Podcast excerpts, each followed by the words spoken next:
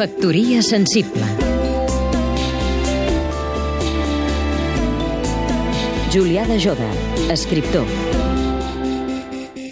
Nelson Mandela s'haurà mort el mateix any que celebrava el centenari d'Albert Camus i els 50 anys de l'edició de dues novel·les sobre una realitat viscuda pels seus autors als camps de la mort nazis, K.L. Reich, de Joaquim Amat Piniella, i Le Grand Voyage, de Jorge Semprún.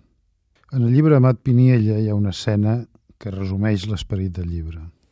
Ha tingut lloc l'alliberament dels presoners del camp de Mauthausen i Emili, el protagonista, fa l'espasa amb la humanitat quan veu al seu costat un presoner que després d'entrapar un pot de farinetes ha deixat anar un rot enorme i ara fuma tranquil·lament.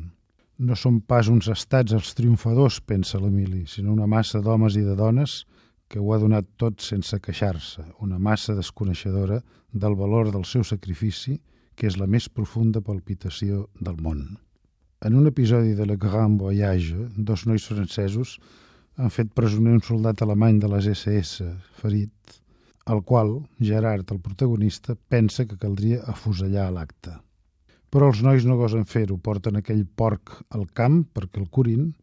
Ells no han fet la guerra contra el nazisme per afusellar presoners ferits, sinó precisament per evitar-ho. Semblen personatges d'una novel·la d'Albert Camus. I tot ho relliga el fet que en sortir lliure de Buchenwald, Gerard porti al cap les imatges d'un film sobre Sud-àfrica, rere les quals, en transparència, apareix el camp on tancaven els presoners en règim de quarantena, mentre a la pantalla sorgeixen les barraques dels afores de Johannesburg.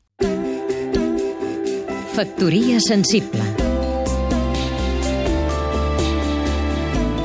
Seguim-nos també a catradio.cat.